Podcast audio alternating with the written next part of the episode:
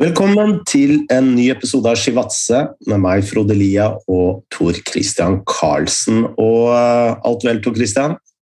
Ja da, det er, alt er vel her. Jeg koser meg i sommervarmen. jeg. Det er ikke så mange uh, ukene man alltid man får av det, så det er bare å nyte det. Er samme hos deg. Ja, altså det er eh, varmt i Oslo, og, og ja, jeg koser meg, jeg. Jeg drar uh, for øvrig på ferie i morgen uh, til Sverige. Alle ting. Hvor spesifikt? Jeg skal til Koster. Ah, ja, men det er jo ikke så veldig langt unna Norge, da. Det er ikke så langt unna, men jeg tipper at norskehatet også gjør seg gjeldende der. Ja, men der er det vel stort sett bare nordmenn. det er vel knapt svensker der, for jeg vet ikke om det er fastboende på Koster. Ja. Det, men det er jo praktisk talt Hvaler, er det ikke det? Bare at det er så vidt over grensa. Jo, eneste jeg veit er at det er Du skal være ganske drittsekk for det hvis du skal bli hetsa for å være nordmann der, tror jeg. Ja, men det, det overlever jeg. ja. Men det er ikke lange turen, da. Det er jo Ikke lange turen, og så er det to uker der. Og etter det så går det volleyball med fotballskoler og Norway Cup og uh, det som uh, ja, hører uh, fotballen til. Men var det ikke det lenge, to uker utpå ut der? Om det er lenge? Ja. Nei Hva tenker du? Lite å finne på, tenker du på? Ja, det er jo bare sånn skjær uti Skjær ute i Skagerrak der, så Jeg er glad i å bade, da. Ja. Håper det blir fint her, da. For dere og familie. For deg og familie. Ja, det blir noen bøker som skal leses, og noen unger som skal lekes med. så det, det går nok fort. Men det er jo mye som skjer i fotballens uh, verden om dagen nå. Jeg, lurer på om vi skal begynne i utlandet. Ja. Uh, en ting jeg har uh, syns er litt uh, Vemodig er jo kanskje Nei, vemodig er jo feil ord, men Chelsea sin Marina Granovskaja, som vi har snakka om mye her på Shivatse, hun forlater nå Chelsea, og da er en Én ting er jo at Abramovic er han over, men Marina har jo virkelig satt sine spor i ikke bare i klubben, men også i Premier League så til de grader. Jeg har henne som en av de skarpeste klubblederne i England de siste fem-seks årene. Jeg vet ikke hva du tenker om Marina og hvilket tap det vil være for Chelsea. Tor Christian? Ja, nå skal vi legge til at det er du som har snakket mest om henne her på podkasten. um, så jeg er kanskje ikke så, så stressa over at hun forsvinner som det du er, men, um, men jeg må jo si at Chelsea har vært Altså hvis man hvis man trekker fra på en måte isolerer det fra den diskusjonen der om, om eiere som har tilknytninger eventuelt hit og dit, og, og sportsvasking og sånne ting, så må man jo så må man jo si at Chelsea har på en måte vært en, en suksessrik klubb under, under den ja, i si, regimet, nesten i ordets rette forstand, som går av nå.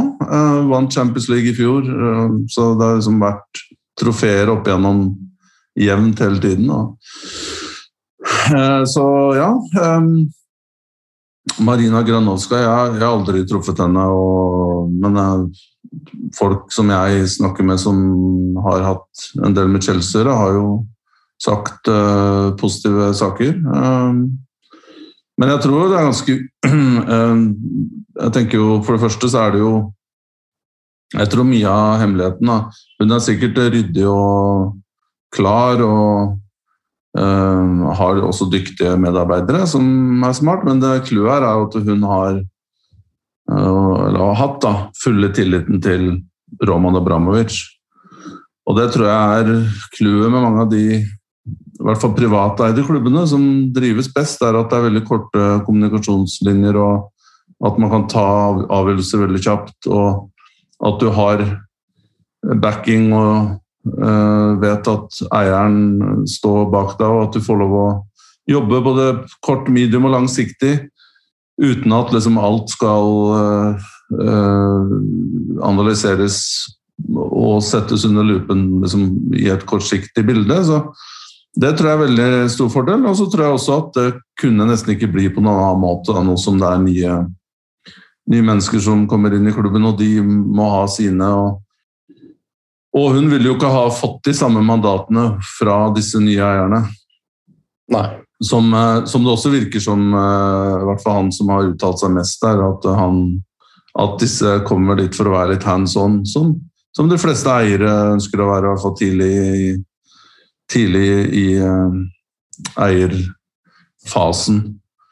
For, så lenge, for da er, det, da er det sexy og moro, og man får uh, ego man får ego rubba litt, og man får være litt i avisen og uttale seg, og bilder her og der som mange syns er veldig fint. Så jeg, jeg, tror vel for henne så ville også det blitt liksom ja, Sikkert en uh, u, u, un, ugunstig situasjon da, å måtte jobbe med, med nye eiere.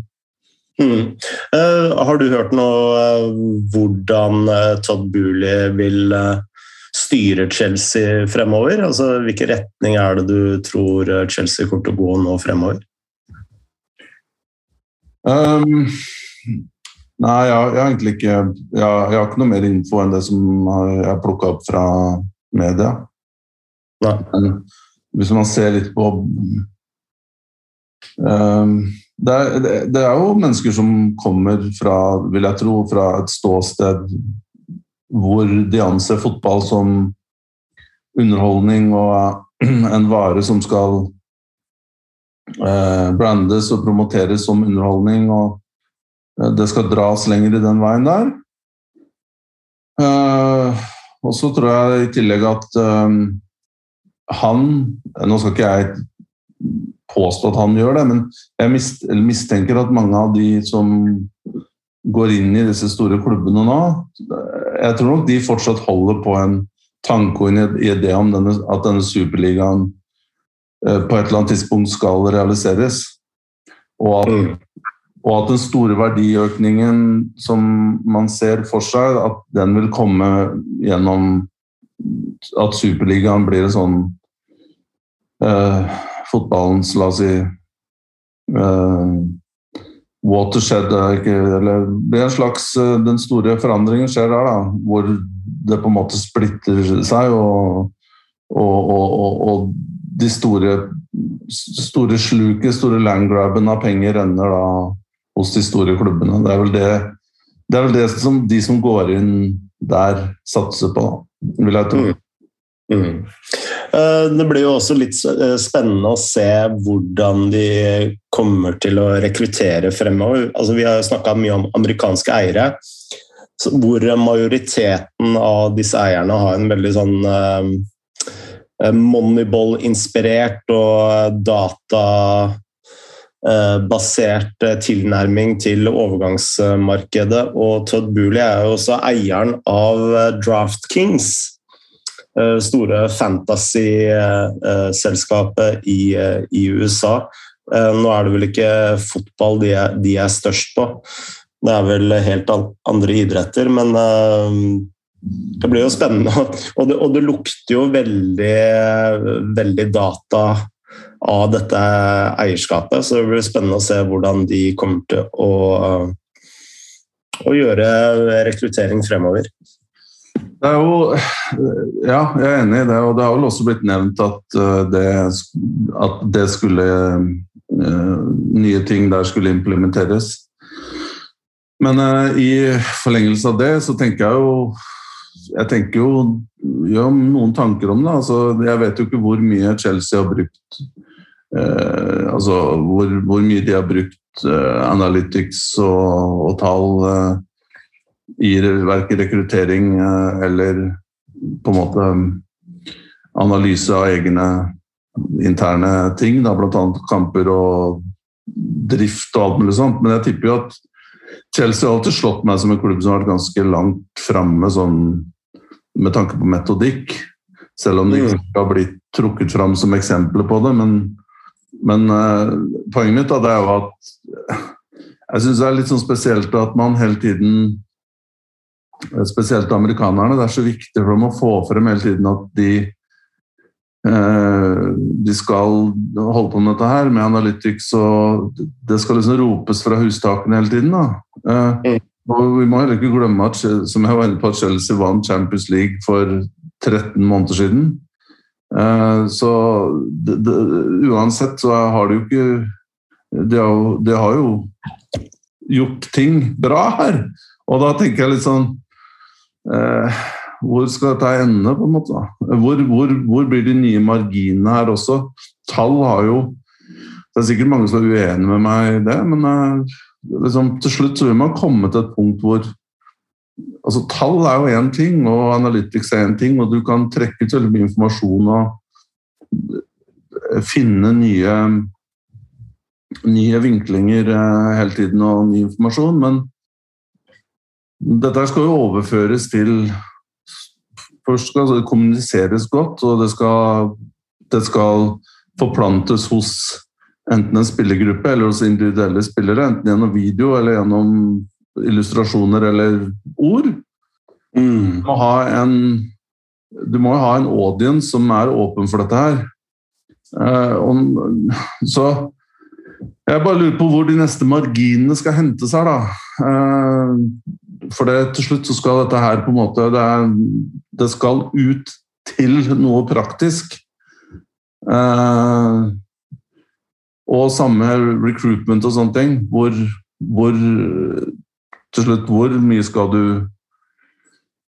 eh, legge vekt på dette her, og hvor, hvor, hvor henter man de nye store marginene? og eh, ja, Altså, for et drøyt år siden så uh, eh, snakka jo vi om Alan Pace, og, altså den nye eieren av Burnley, som da skulle revolusjonere Burnley uh, på overgangsmarkedet ved å bruke data og analytics. Og nå er resultatet levert, og det er championship.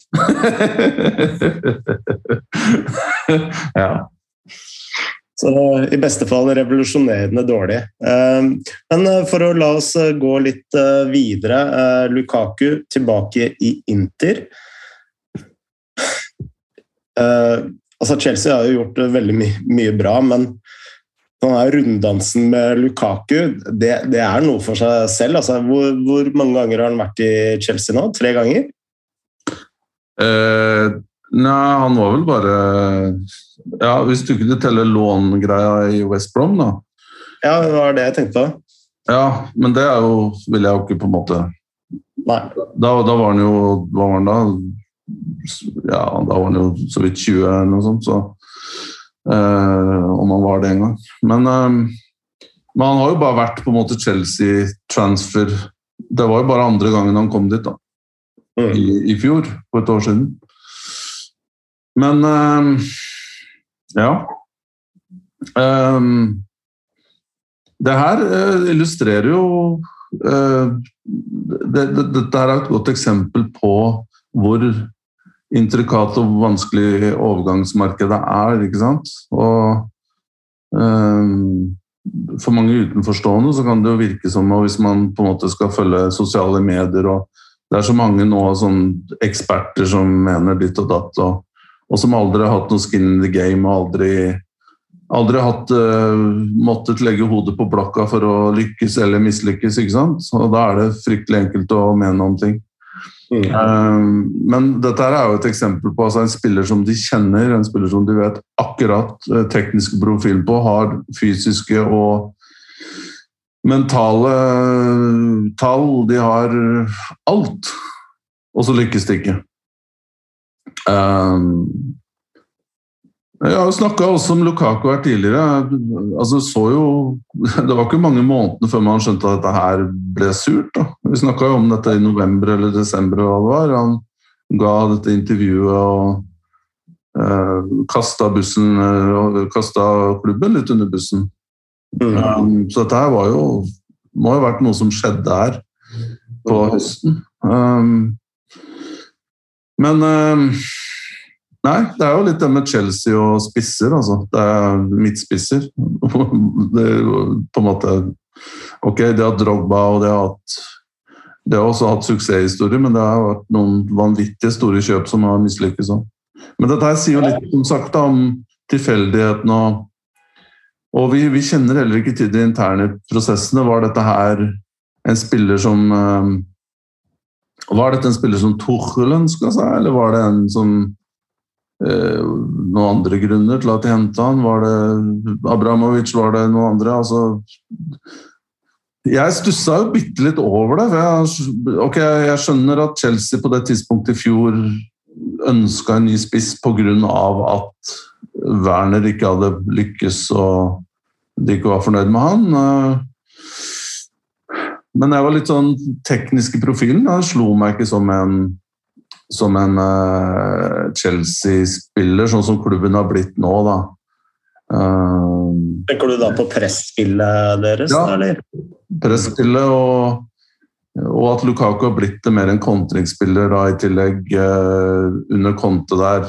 Altså med den stilen der. og mens i Chelsea så, og, og Tuchel at han ønsker kanskje spissere som er litt mer litt mer Selv om Lukaku den sesongen før Inter faktisk hadde blitt en mye bedre spiller, syns jeg. Så allikevel så har han ikke vært liksom spesialist på, eh, på å være feilvendt og fliks og, og, og, og, layoffs og sånne ting. Men eh, nei, han eh, Jeg vet ikke hvem som tar over den eh, om, den, om den smellen de får der, om den bare går rett med i nye blodbadet, som man kaller det, italienere kaller det, når man tar over en klubb og begynner å lete etter hva som har skjedd sånn i månedene før man før man gir den fra seg. Så kaller de det banjo di sangue, blodbad.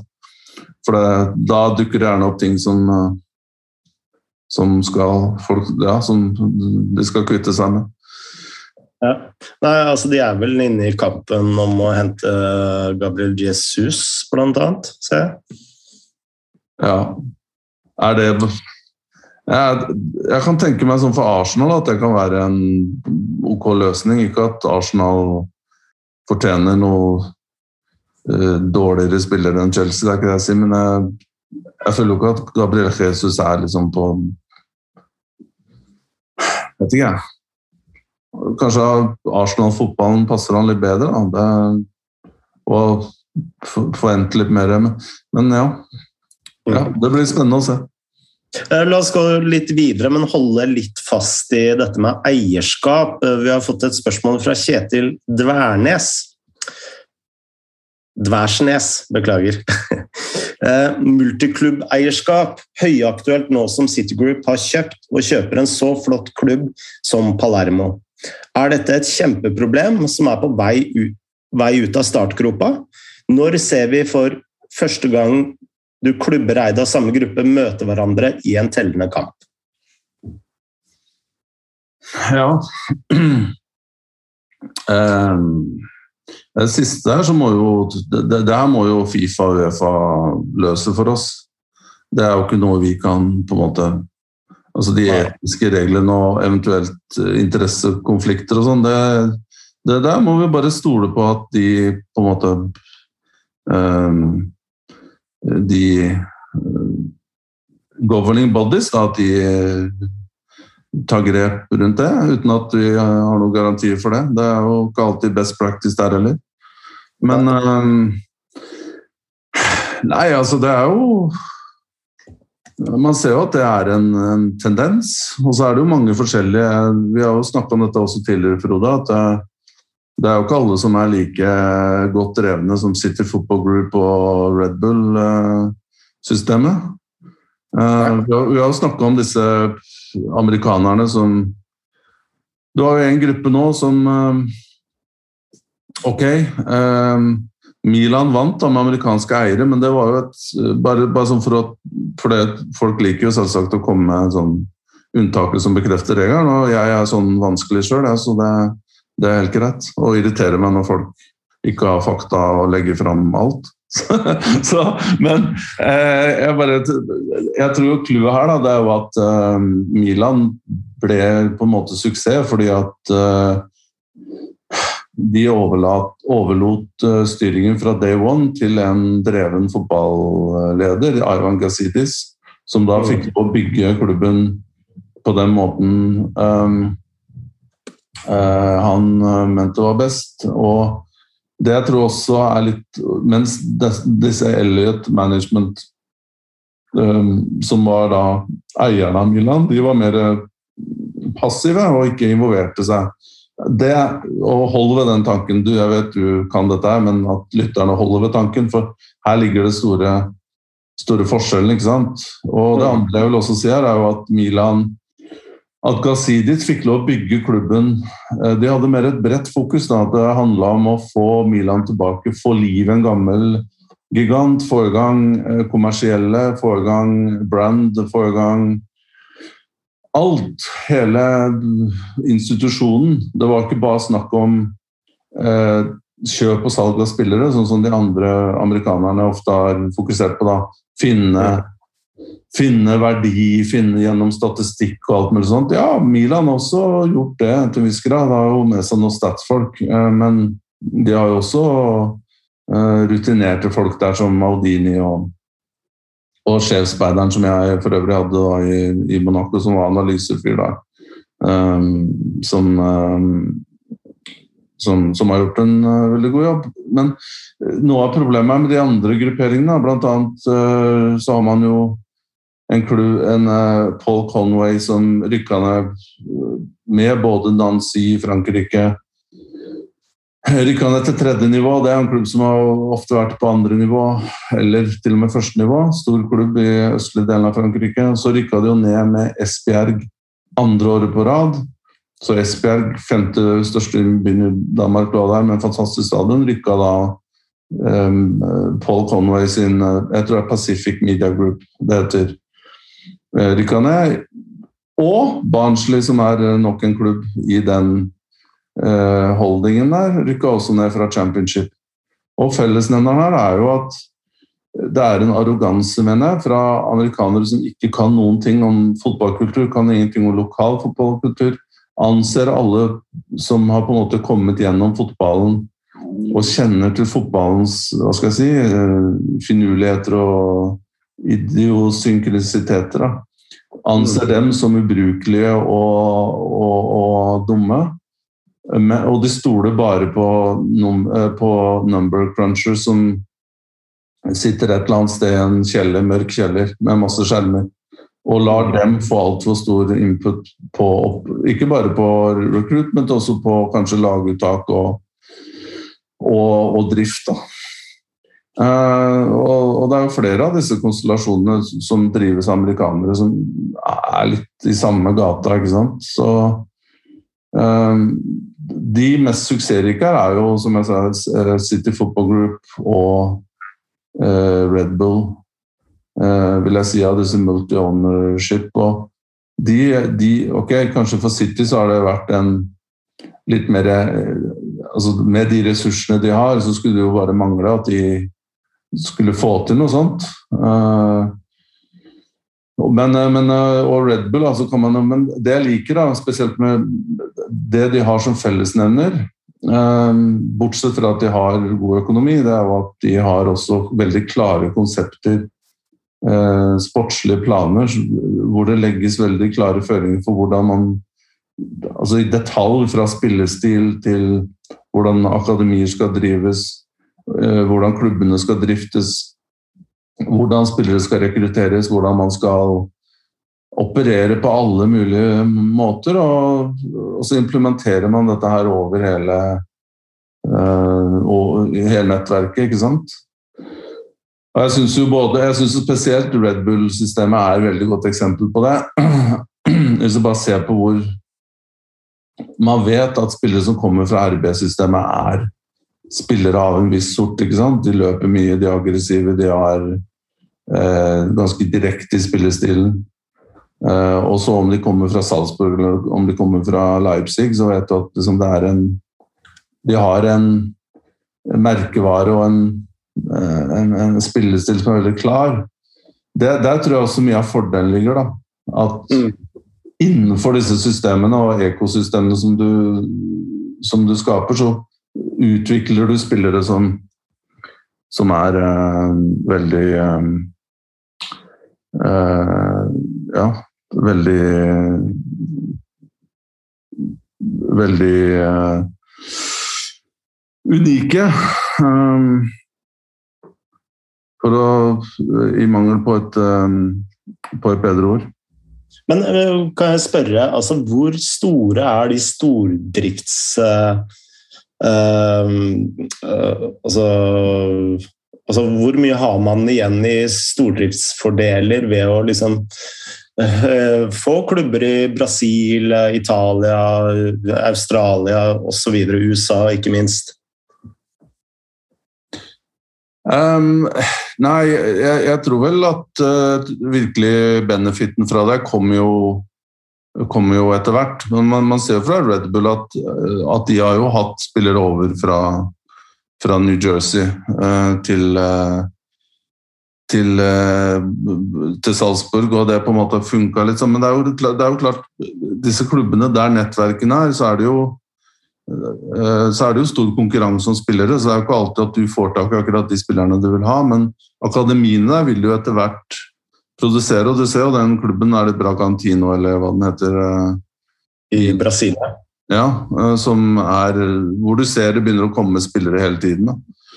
Så det er jo klart at du har budsjetter til å hente til gode talenter med den riktige profilen, og så har du så har du muligheten til å utdanne trenerne innenfor systemene dine og finne gode trenere. så du klarer jo på en måte å kvalitetssikre og bygge et system her som er veldig, veldig sånn samkjørt. Mm. Uh, la oss gå uh, litt videre. Uh, ja, vi har jo fått et spørsmål fra Anders Bjerva. Og han lurer på skal PSG endelig bli et ordentlig topplag med Campos og Galtier. I forlengelse av dette er Leonardo den mest oppskrytte sportsdirektøren der ute. Med vennlig hilsen Milan-fan, som fremdeles ikke har tilgitt ham. ja Nå er det ikke bekrefta at Galtier er uh, ansatt. da. Uh, og jeg så jo det var fortsatt noe snakk om Zidane der bare i går, så jeg vet ikke helt hva, hva, Men det må jo bli en eh, beslutning nå ganske fort, da. Ja. Um, så Men det her blir jo et helt annet opplegg. Um, altså vi har snakka om det tidligere. Er, er PSG en uh, lost cause? Da? Ok, De vinner liga, liga, hvert år, og det kommer de kanskje til å fortsette å gjøre, men ambisjonene for til PSG da de uh, for 12 år siden eller 13 år siden, da, da disse Qatar Vennene våre tok over, så var jo det å vinne Champions League og dominere totalt. Og, mm. uh, og de har jo til og med tapt et ligagull. Ok, de vant igjen i fjor, men før der vant du tross alt Lill. Uh, jeg, jeg, jeg, tenker jo at um, det viktigste er å få på plass en god trener. Uh, Galtier er jo mer en defensiv trener. Da. Altså veldig tradisjonell og uh, skal ha fysiske spillere og spille ganske direkte fotball. Litt usikker på akkurat den matchen der og hvordan det eventuelt vil um, hvordan det vil falle i jord hos disse primadonnaene i, i Paris. Um, uh, om dette er bare sånn knee-jerk reaction, at det, disse Qatar-grupperingene at de tenker å, mentaliteten har vært så dårlig. Um, spillerne er private. Nå må vi ha en trener som kan dra dem i øret, holde dem i øret. Og så går det helt andre veien. Uh, og så går det så, så ender det etter fire-fem måneder med disaster, fordi treneren klarer ikke å holde spillerne i Holde dem i, i bånd. altså Og da bare kollapser alt fordi spillerne har for mye makt og går til lederen igjen. det er sånn jeg ser for meg at det kan ende. for det det er ingenting som tyder på at det er sterkt eller smart nok eller, eller, strategisk nok eller tålmodig nok eierskap i PSG til at de kan tåle at det går, går dårlig litt. Og, og, svelge, spise frosk, som det heter, for å mm. Uh, For at uh, Ja, uh, bite the bullet, da, sånn at det kommer til å gå til å snu, det har jeg liten tro Louis Campos er jo selvsagt dyktig, og han er en eh, fagmann av dimensjoner og er veldig god til å identifisere spillere og, og sette sammen et lag, ikke minst. Um, og her, her, vil han jo da få komme sammen igjen med suksesstreneren fra Lille. Uh, de vant jo serien der sammen, som jeg var inne på, for um, sesongen før den som var. Eh, men de prinsippene man hadde i Lill, var jo, er jo vanskelig å implementere i, PSG. Det var jo litt sånn reaktivt lag eh, i perioder, men ofte altså, litt sånn veksla mellom å være høytpressende og så mer kontringsfotball på bortebane. Mm. Det slår meg egentlig uh, når jeg tenker på PSG. Da, den største tabben de noensinne har gjort, er jo sparke Ancelotti. Fordi er det noen som klarer å håndtere de egoene der, så må det jo være Ancelotti. Ja, han uh, kom nok for tidlig kom nok for tidlig inn i, inn i rekkene der. Um, og så Jeg er helt enig med deg. Og så forsto de ikke helt på en måte Eh, hvilken kapasitet han var. Altså, jeg har sagt mine ting om Angelotti da han var i Everton, for det passa ikke han i det hele tatt. Det, den setupen der, Men som du sier, for PSG så er jo han helt, uh, helt suveren. Um, ja, for Det handler jo litt om reaktive uh, trenere til reaktive klubber og proaktive trenere til proaktive klubber. Eller trenere til proaktive klubber. Mm. Det må jo passe på en eller annen måte. Ja, og han er jo også Han er jo diplomaten fremfor noen. Uh, og er en type som sikkert ville klart å uh, I hvert fall i den grad Så langt det er mulig å hanskes med disse lederne i den klubben. Um, men Louis Campos er jo mer bare for å komme tilbake til han, er jo mer, altså som sagt, han er veldig flink lagbygger og plukker de riktige spillerne. Uh, har gode relasjoner til uh, store agenter, spesielt uh, George Mendes. Da han har jo vært på en måte hans mann flere ganger. Mm. men han, han, er jo ikke en sportsdirektør sånn, som gjør noe annet enn Eh, han, han, burde egentlig vært head of recruitment, eh, egentlig. Eh, og han Det er den store misforståelsen som folk gjør. At de ansetter jo folk til å drive med til å bli sportsdirektører, så handler de bare på en måte med, med akkurat samme som head of recruitment. men han er jo ikke en som på en måte er rundt laget på kampdager eller har noe med logistikken rundt laget, så vidt jeg vet. Mm. Om Leonardo var, og det er kanskje Nå kan vi hoppe over til han. det er kanskje, Han er jo motpolen.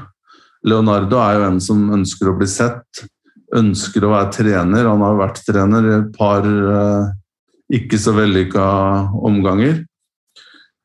Eh, men en som Og emosjonell i tillegg. Eh, og er en litt sånn superstjerne, da. Sånn, fra han var spiller og kjekkas. Eh, ikke at du ikke har eh, lov til å være det, men altså Han er Ferrio, og han er liksom jeg, jeg, tror han, jeg, tror han, har kommet til disse posisjonene fordi han er en veldig kjekk mann, og han er han ser bra ut, han prater utrolig godt til kameraer. Han er liksom en verdensmann og eh, høster mye eh, der. Eh, og at han også tar av litt press, for han er så mye i media og ønsker å være i media og ønsker å eh, være, ta mye plass. Eh, men, men, hvor sunt det er for på en måte andre rundt, og hvor mye nitty-gritty og hva man kaller det, nuts and bolts, altså den liksom daglige dagsjobben, hvor mye av det han liksom tar for seg, det er jeg usikker på. Rakk du å jobbe med Louis eh, Campos i Monaco? Nei, jeg jobba ikke med han. Ja. Men uh, det her er jo jeg, jeg, jeg, tror jo Uansett så tror jeg at Igjen, dette er jo en gammel uh, samtale at hvis ikke du har de riktige menneskene i, i styret eller som CEO, sånn som Elliot Management forsto i Milan, og at du gir kontrollen til folk som, som kan drifte dette her og har erfaring og er, er smarte. Uh, og så, så, kommer du ikke til å få en du, du, kom, du, kommer ikke til å oppnå det med PSG som det man burde fått til, da. Med alle disse fra Qatar som driver og styrer årene der. og Det blir bare, bare surr. Eh, men nå så jeg også en uttalelse fra Nasser El Khalifi at det nå skulle glitre bort da, fra PSG. Nå var liksom det slutt på Slutt på å chase Neymar og Messi og sånn. Nå var det tilbake til eh, havre, var det? Striskjorta havrelefsa. så det her Der lukter en sånn der skikkelig 180 grader vending, og det Ja. Det her kan bli spennende. Apropos striskjorte og havrelefse, eh, la oss eh, snakke litt om eh, norsk fotball. Vi har fått et spørsmål fra Magnus Arnesen. Hva tenker dere om norsk toppfotball sitt mål om å selge spillere for 1 milliard de neste fire årene? Og hvordan det kan nås med dagens strukturelle arbeid med spillerlogistikken? Uh, vi har jo vært inne på det her før. Um, jeg, jeg, tror det er vanskelig å sette seg et sånt mål. Altså, det, og, det, og, dette her er avhengig av mange ting. Det er avhengig av konjunkturer og fotballøkonomien generelt. og Eh, resultater i Europa er viktig. Uh, og så kan vi koble på det med kunstgress eller ikke kunstgress og sånne ting som Dette er liksom ting du ikke får gjort så veldig mye med. Da. Du kan ikke begynne å pålegge eliteserielaget at de skal alle over og spille på gress. ikke sant? Det er jo ikke realistisk, selv om optimalt sett så, så er vel det det vi skulle ønske, da. Men uh, jeg Nei, jeg, jeg, jeg, tror ikke det er realistisk. Altså det, da må man jo bli ekstrem. For det første så har vi ikke, vi har vel ikke befolkningsgrunnlag i, norsk, i, Norge til å forvente at det kommer så veldig mange spillere opp på akademinivå. Det kan ikke komme Ødegaard og Brauten eh, hvert eh, eneste år. Um, og jo, det kommer gode spillere opp, men de kommer ikke bare hos Bodø-Glimt, som er gode i Europa, eller hos Molde, som er flinke til å få eh, godt betalt for spillerne, eller eventuelt Rosenborg. Da.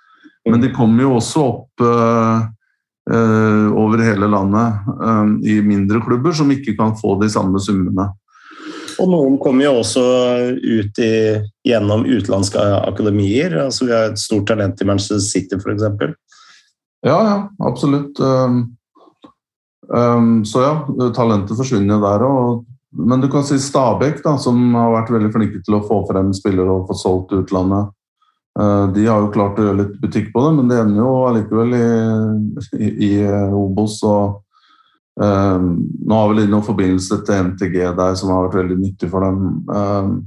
så bare gjennom å produsere spillere selv uh, så tror jeg det er vanskelig. Og dette er jo på en måte ikke Det er jo Det jobbes jo andre steder òg, ikke sant. Vi, vi, må jo på en måte For at vi skal komme opp i de summene som snakkes, snakkes om her, så må vi jo vi må jo bite eh, over market sharen som andre har nå. Det er jo ikke på en måte eh, Vi, vi må jo vi må bli bedre enn f.eks. danskene og svenskene, altså, som er mest naturlig å sammenligne oss med. Det må ha en grunn til at folk, eh, utenlandske klubber skal komme og kjøpe mer, flere spillere fra Norge enn fra noen andre land. Um, så, men det jobbes utrolig bra i andre land, og presumptivt har de samme ideene og tankene om å eksportere spillere som det vi har i Norge.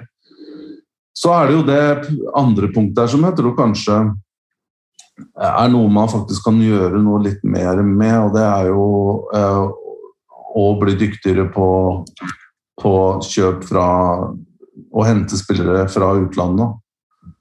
Uh, og der, har, der, bare repeterer jeg altså Jeg har snakka om det her mange ganger, og jeg har ingen grunn til å forandre på den meningen, men der må norske klubber bli flinkere til å, mener jeg, hente spillere fra Afrika. Um, og spesielt Vest-Afrika. Og spesielt nå etter pandemien, for det, nå er det på en måte tapt to år. og I løpet av de to årene så har det også kommet opp masse, masse nye spillere uten at spesielt mange klubber har reist dit eller fått gjort det som skaffa seg informasjon. Så nå er tiden til å dra dit og virkelig sette seg inn i ting. Um, men for at man skal lykkes med å eh, gjøre eh, produksjon av, eller på en måte utvikle afrikanske spillere og selge dem videre, som metodikk, da, som konsept Alle kan gjøre det med enkelttilfeller, selvsagt. Um, men man må da eh, lage en slags aksept i klubbene til at, eh, til at business og videresalg av spillere blir en slags eh, Hva skal jeg si Blir en slags et driftsmål, da. Mm. Um, og slik at treneren liksom ikke kan kreve at Ja, men jeg vil heller ha en 32-åring jeg hadde i, i HamKam.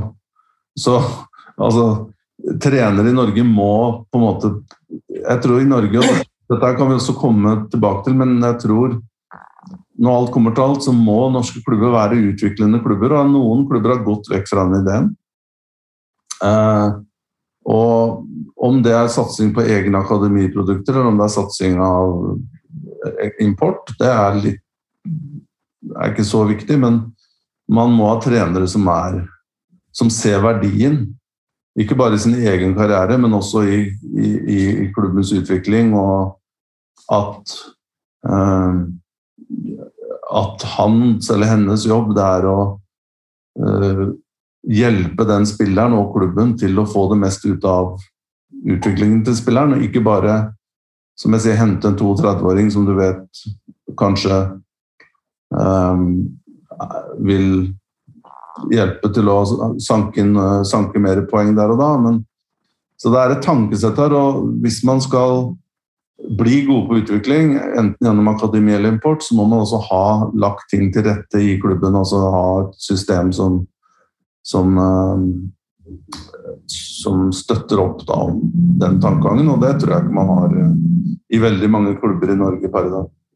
Nei, og det, dette er et veldig viktig perspektiv som, uh, uh, som du har nevnt flere ganger. Som uh, hvor du har brukt Liverpool på et eksempel, når Edwards blir trukket fram som genial, som har funnet alle disse spillerne ved hjelp av dataanalyse, og, og, så, og, hvor du sier at ja, men hadde det ikke vært for Jørgen Klopp, så hadde ikke disse spillerne liksom prestert på det nivået som du skulle. Og du, du har jo også fortalt historier både fra Norge og øvrige Europa om om når man tar med som sportsdirektør eller scout da, i, i, visse tilfeller hvor du tar med deg spillere inn til klubber, og så vil ikke trenerne uh, jobbe med dem fordi, ja, som du sier, da, de vil ha uh, ferdig produkt. Da.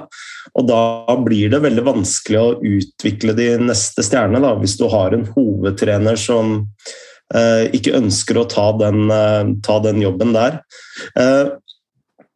Men bare for å fullføre uh, akkurat dette her med scouting og, og, uh, og det å importere spillere altså Nå blei jo Stig Torbjørnsen uh, Han blei nå lansert som sjefsspeider i IFK Gøteborg og forlater nå Nor Norrköping.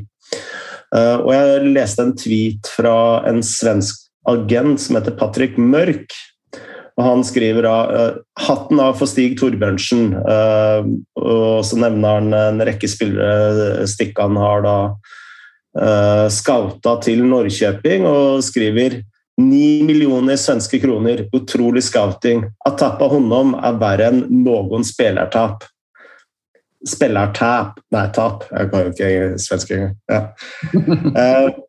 Men eh, det sier jo noe om at det er jo et potensial her og en oppside som Og når vi vet hvor få norske klubber som har en scout, eh, så er det jo ikke bare det at man eh, velger å liksom satse på egne akademier, men man liksom utelukker jo hele dette importbildet, da, ikke sant?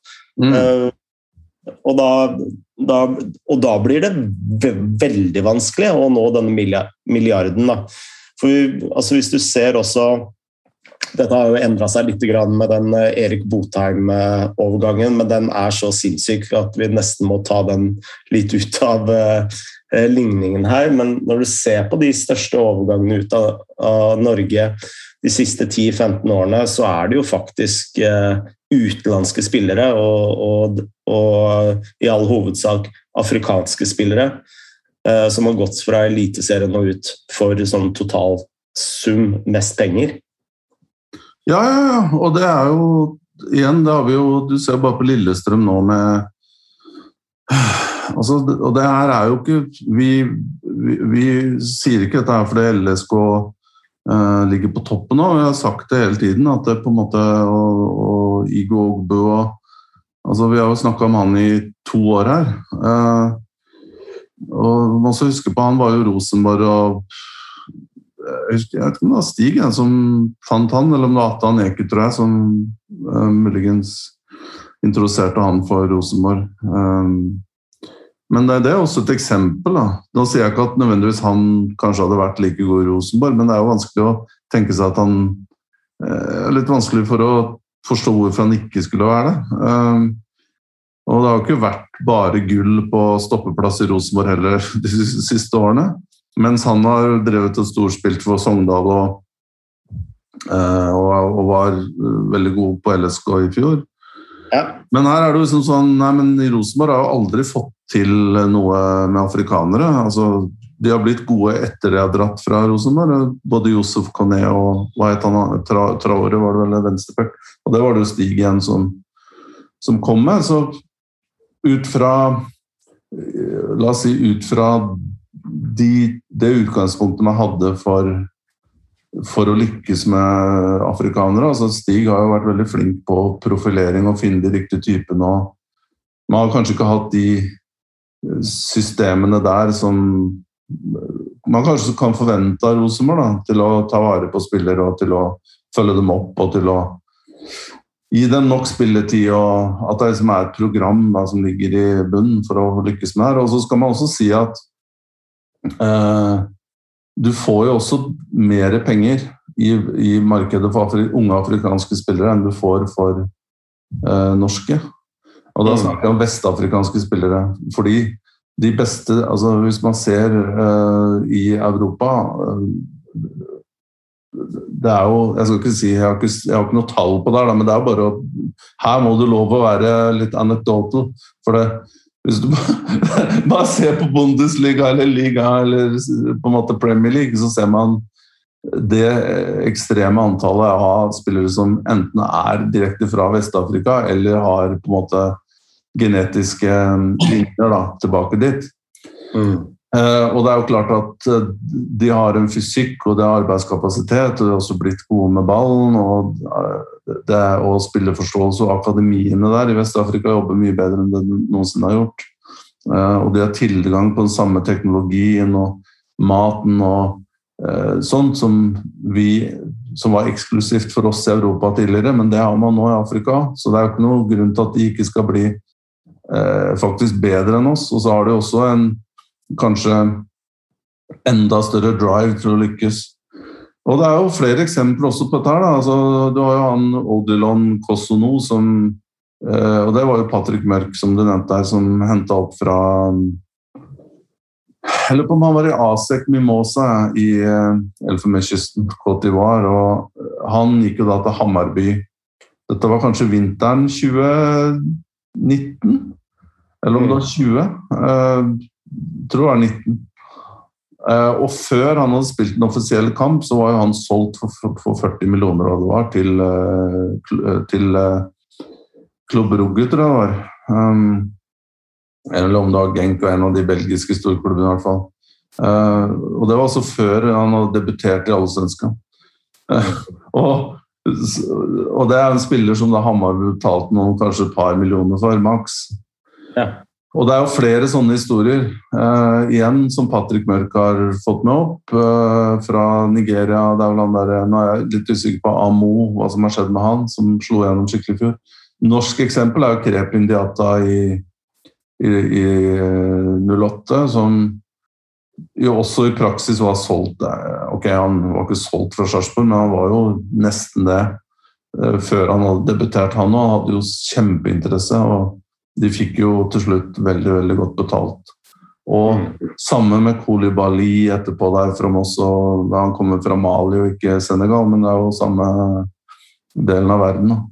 Så at ikke man Og så sier jeg ikke at alt Du kommer ikke til å lykkes med alt, og det har ikke Lillestrøm og Simon Mesvin heller gjort, da, men de har jo truffet mer enn det de har eh, bomma. og noe av clouet er også at du må ha tro på konseptet. Du kan ikke fordi du mislykkes med, med, med to-tre. Jeg har holdt på med her selv og, eh, i mange år, og noen ganger har du noen år hvor du lykkes med og, eh, og du har en god trener og liksom, systemene dine funker, og så kan du gjøre akkurat det samme senere, og så går det ikke fullt så bra. Det er litt med syklus og litt at du mister troa på egen metodikk, og så må du justere litt og, og styre. Men uh,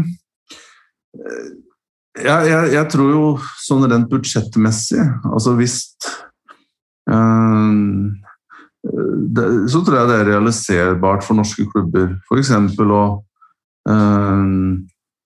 å finne på et eller annet i, i Senegal eller i, i Vest-Afrika. reise dit, skaffe seg oversikt. Det kan også være Nigeria, Ghana, Cote d'Ivoire. Ehm, disse plassene. Men man må orke å gjøre the hard work. Og det er litt sånn og Stig har gjort den jobben der. ikke sant? Og Patrick Mørk, selv om han er agent, han drar jo hele tiden til Afrika. Han er der fire-fem ganger i året og drar overalt og ser spillerne selv og prater med familien. og Er ute og ser kamper hele tiden. Uh, og så det, det, er litt som å på en måte I næringskjeden her, da, så er jo du, hvis du sammenligner med fisk, da, det du gjør Du er ute på det fisket liksom, oppe i Nord-Norge og fisker skrei på vinteren. Det er den jobben du gjør. Du drar opp fra på en måte bunna, og så blir det foredla, og på en måte til slutt så kan Real Madrid kjøpe den edle varen fra, fra fiskedisken til masse, masse tusen per kilo, ikke sant?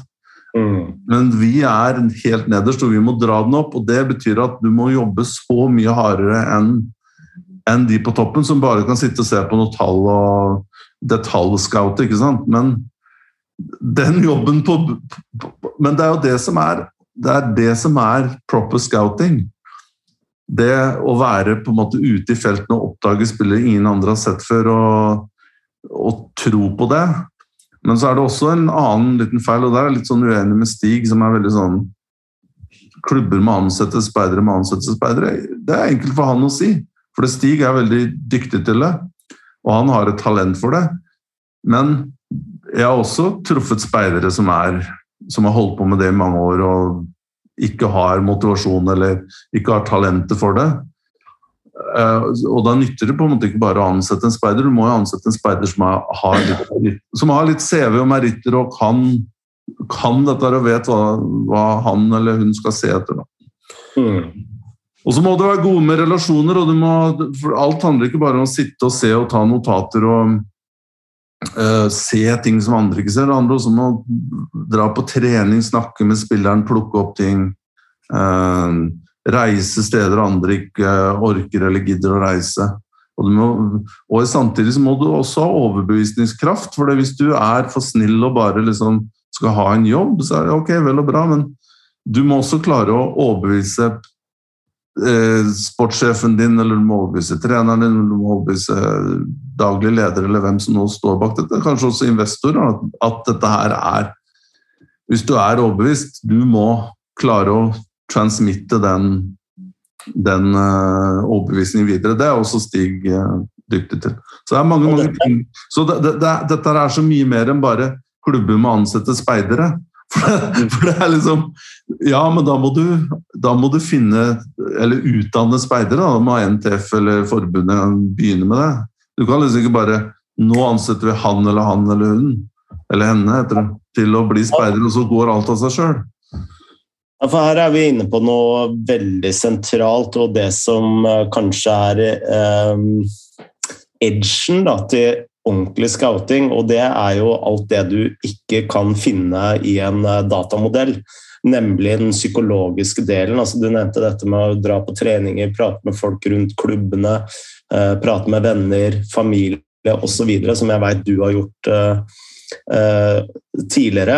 Og hvor du finner de typene da, som uh, åpenbart kan uh, passe inn i en skandinavisk fotballkultur, og som har driven, som har lysten, og, og, som kan flytte til et land helt alene, f.eks. Altså, det er veldig mange sånne psykologiske momenter da, som, som man kan Eh, plukke opp, og som er eh, helt avgjørende, tenker jeg, da, for eh, å finne de virkelig gode spillerne. Altså Det å se på banen er jo bare en veldig liten del av det. Ja, og her er det jo Altså, jeg mener jo at at analytics og, og, tall og data har sin plass. og Jeg bruker det en del selv og syns det er veldig interessant og lærer mer og mer om det. Eh, men det er jo opplagt at um, på, på, på, altså Det er opplagt at eye-test og ha instinkt også Det gjelder også. Selv om um, Nå hadde jeg en rant om det i forrige Chivadze, men selv om det på en måte er uh, det, det, skal man ikke snakke om lenger, fordi det er så ute av tiden.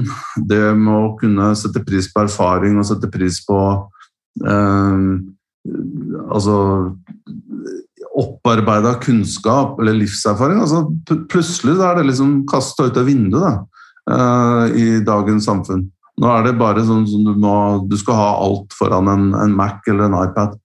Um, og det tror jeg er en fase vi kommer til å få skikkelig Det er kanskje også derfor vi er uh, der vi er akkurat nå. Ganske mørkt sted i denne verden.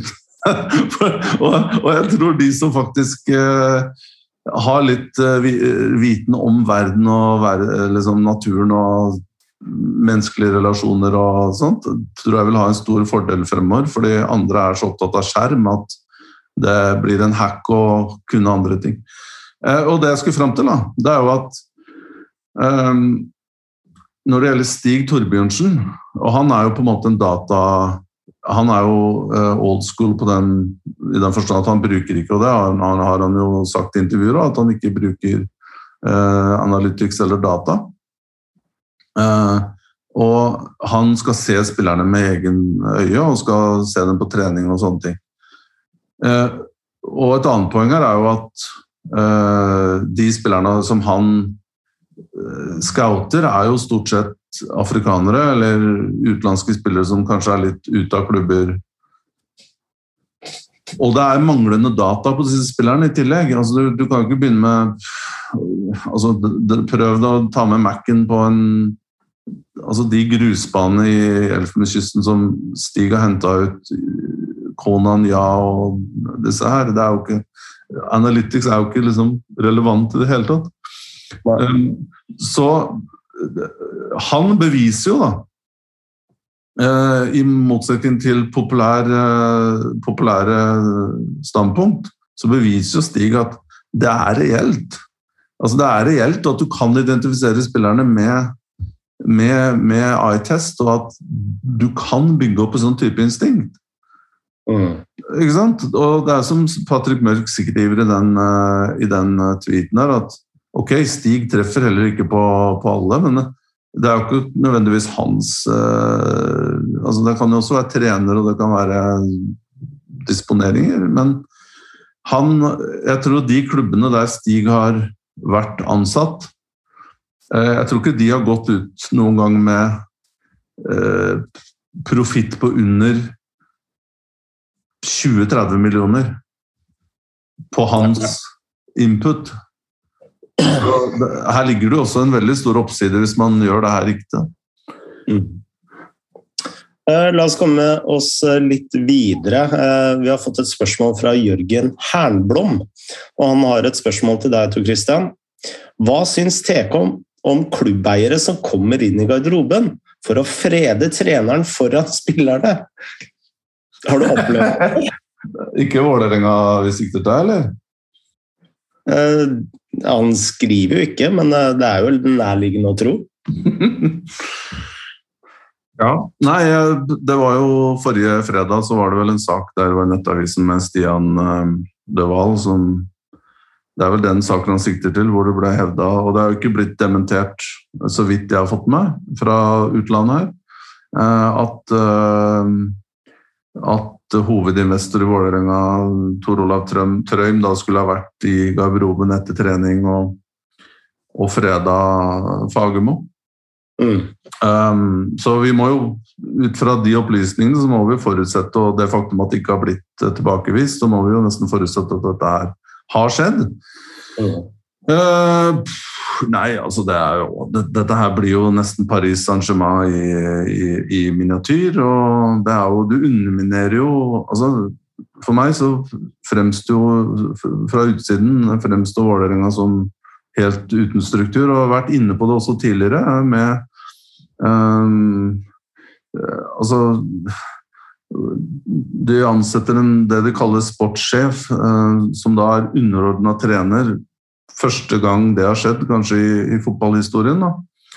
Eh, og nå ser man jo også på en måte hvilke svakheter det har. For det, i, en, i en situasjon der klubben sliter og det går dårlig med resultatene, så er det jo så er det jo en sportssjef som skal hele tiden på en måte holde i den analysen og de daglige, ukentlige vurderingene rundt det tekniske.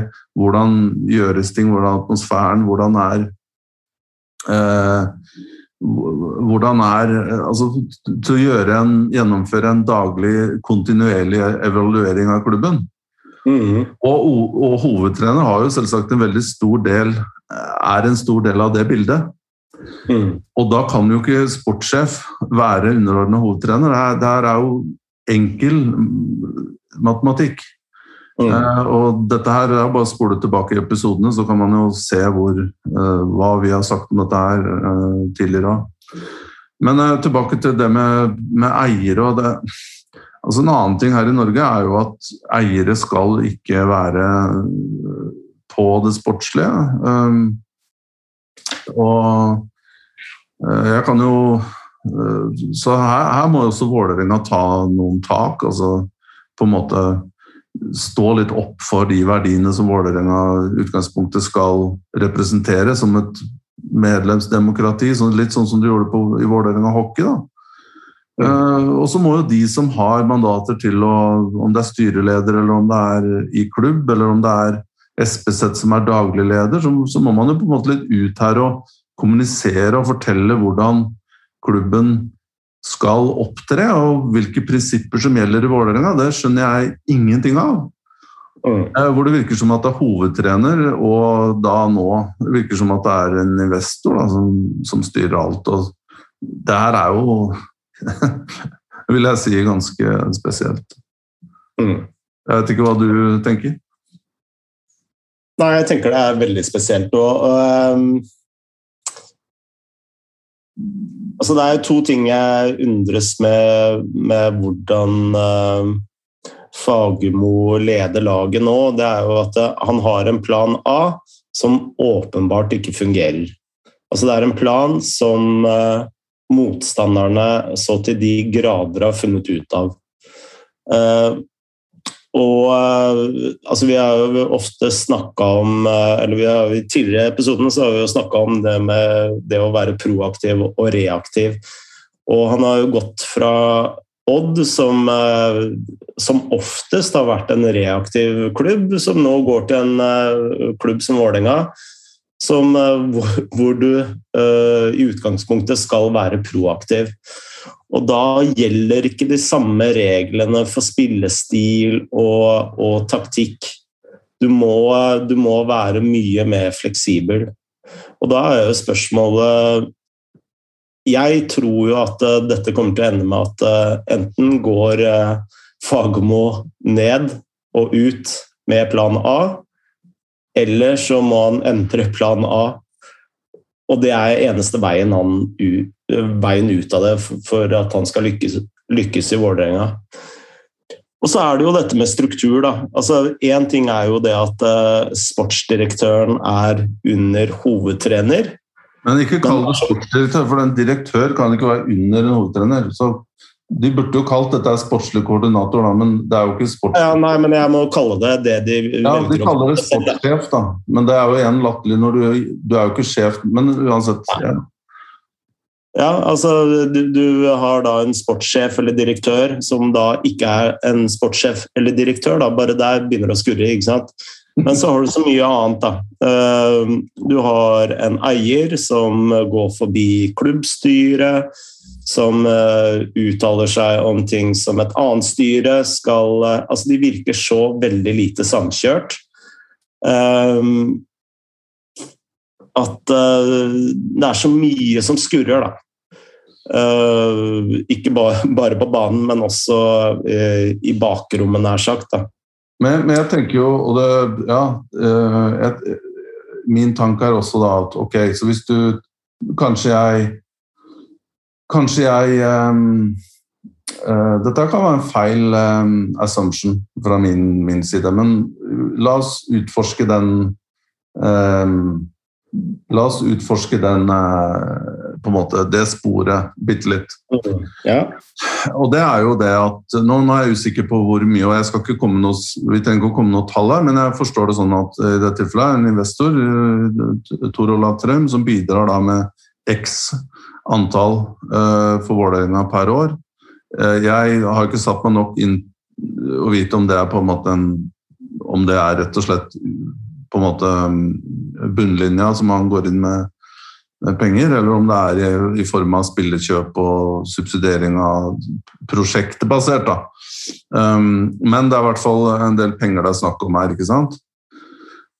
Uh, jeg tenker jo hvis, hvis, du har investorer som har riktig og, og kjenner sin plass, uh, vet sin plass i systemet og vet at uh, og er litt diplomater i tillegg da, og forstår og vil det beste for klubben og forstår at dette er et samspill. og I Norge så Norge er ikke Italia eller England. Det, det er, Norge, Norge har man bestemt at fotballen skal være supporterne, så medlemseid og, og, og, på en måte styrt av management, uh, og ikke de som har penger.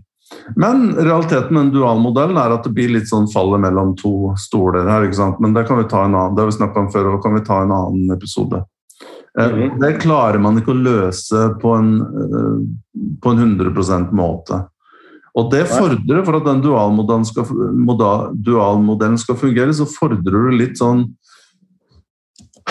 Litt diplomatiske folk på begge sider, da. Du har kanskje den ideelle investoren for norsk klubb. Det er en investor som holder med laget, bryr seg om øh, byen, bryr seg om klubben. Øh, men ønsker ikke bare å gi blanke sjekker, men ha noe impetus. Få tilbakemeldinger fra klubben.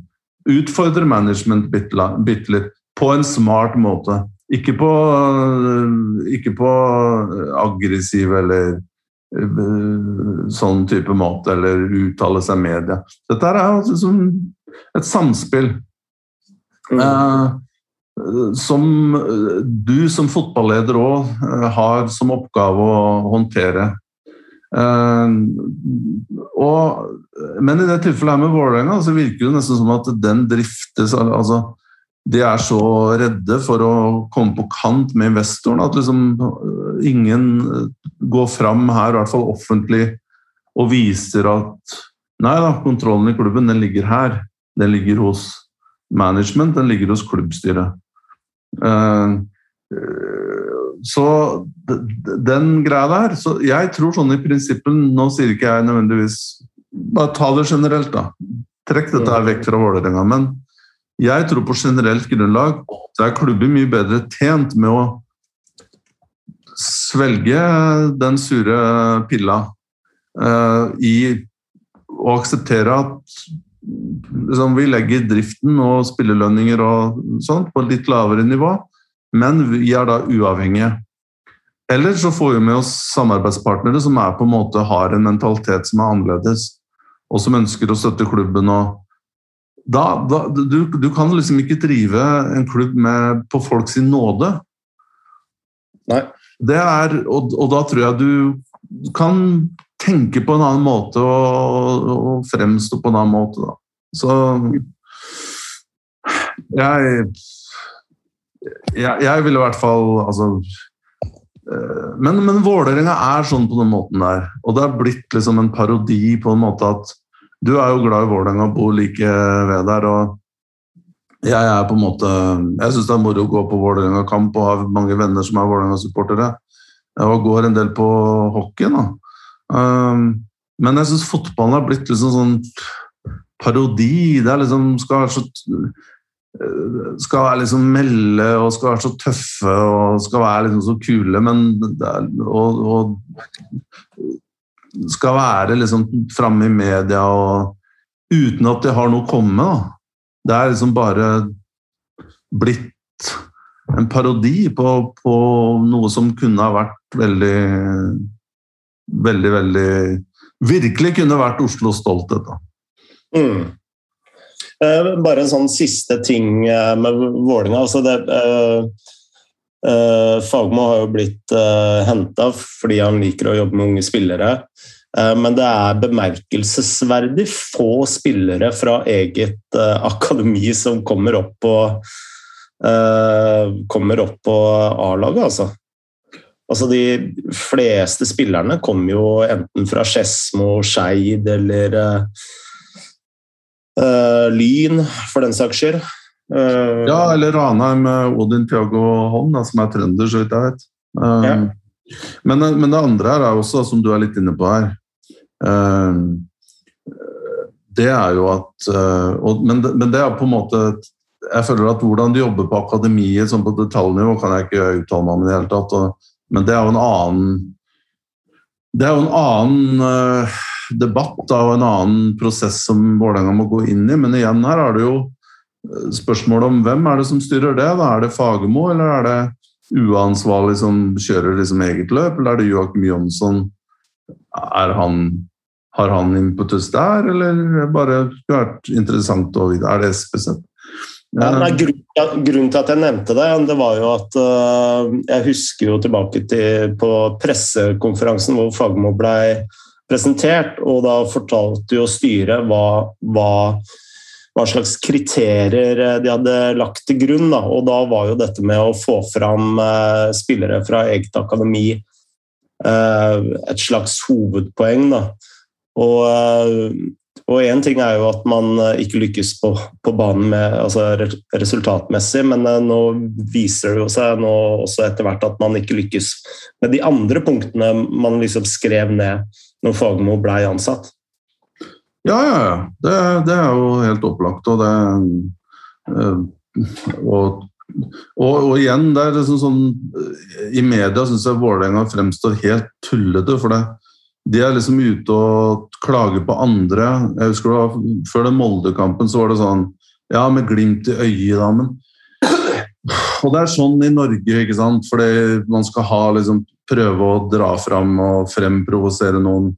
Noen, noen, overskrifter. Men her så var det som, Nei, men i Vålerenga så utvikler vi egne talenter, og det har vi snakka om i mange mange år der og ikke fått til.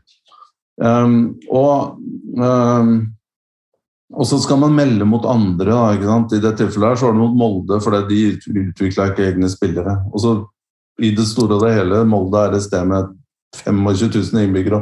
Hva var Oslo nå? 650 000-700 000. Så det er jo klart at kanskje man burde sette eh, litt høyere krav også til Vålerenga, med den, det området de har å rekruttere fra, enn en Molde, som er en liten grend ute ved Atlanterhavet. Men mm. eh, jeg vil også bare komme med et avsluttende punkt her som henger litt sammen med det du var inne på der, Frode. og Det er jo at det jeg hører fra Vålerenga hele tiden, det er jo at altså det er jo transition på transition på transition på transition. Og det er jo hver eneste sommer, og det eneste løsningen de har, det er jo å kjøpe nye spillere. Og nå er de jo ikke fornøyde med de spillerne som de kjøpte ved forrige transition. Sånn sånn Kjartansson, Alajoni og um, Oldrup Jensen og det, var, det, har kommet midtstopper og godt, og det er Bekker og det er så, og, og, til slutt så må altså, Du må jo komme deg ut av den sirkelen her, og du må jo ha da en veldig klar filosofi i klubben som sier at det, her, det må bli slutt på den tankegangen der.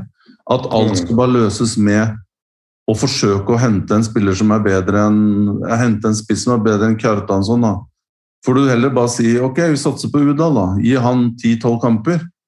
Vålerenga kommer ikke til å rykke ned. Du har Jerv og du har med all respekt og de punching about the white, og så har du Kristiansund som er allerede så langt bak og har borte mot Rosenborg neste kamp. Så mm. det er jo ikke noen stor fare for at selv om supporterne er bekymra over det, men med de ressursene Vålerenga har, så de, jeg tror ikke de kommer til å rykke ned når de har både Jerv og Kristiansund og HamKam bl.a., som sikkert kommer til å få slite litt utover. Da. Men på et eller annet tidspunkt så må man jo på en måte legge ned en strategi om at det her skal være en utviklende klubb, og vi skal tørre å jobbe på en annen måte med teknologi, med, med, med vitenskap om det. Så nå, nå kanskje snakker jeg mot meg selv fra den ranten jeg hadde tidligere om vitenskap, Men jeg mener det skal jo selvsagt brukes. Og eh, man må bygge på en måte Hvis man ser hvordan man jobber i, i Europa, selv i mindre klubber, så ser man jo at man er langt framme, mye lenger framme på metodikk og kompetanse enn man er i Norge. Og at man kommer ut av den loopen der med at det skal hele tiden bare hentes nye spillere, hentes nye spillere, hentes nye spillere. For da blir du forever der som man har vært. Lurer på om det får bli eh, våre siste ord, ja, eh, Tor Christian. Ja, ikke Men uh, i, for i dag. Ja. Det hørtes veldig trist ut. Men det blir kanskje første siste ord før uh, uh, sommerferie. Du er vel kanskje da Blir det et par-tre uker, da, kanskje til neste Ja, jeg tror drøye tre uker, ja. ja. Så jeg vil bare ønske å si eh, til eh, venner og fiender eh, Så ønsker jeg dere alle en veldig god sommer og ta godt vare på dere selv og familien og verden og sjøen. Og ses vi og høres om noen uker. Moderne media.